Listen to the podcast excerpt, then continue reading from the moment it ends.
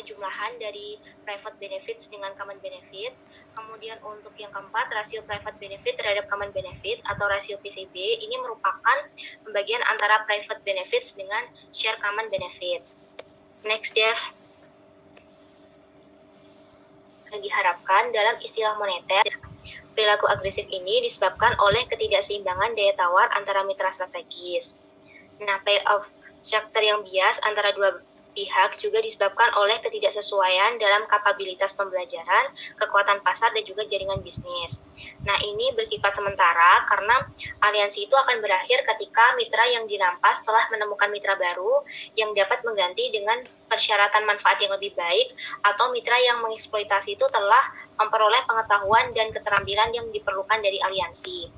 Next, Jeff ada uji tuntas dari aliansi strategis. Yang pertama, private benefits. Nah, private benefits itu merupakan manfaat aktual dan yang diharapkan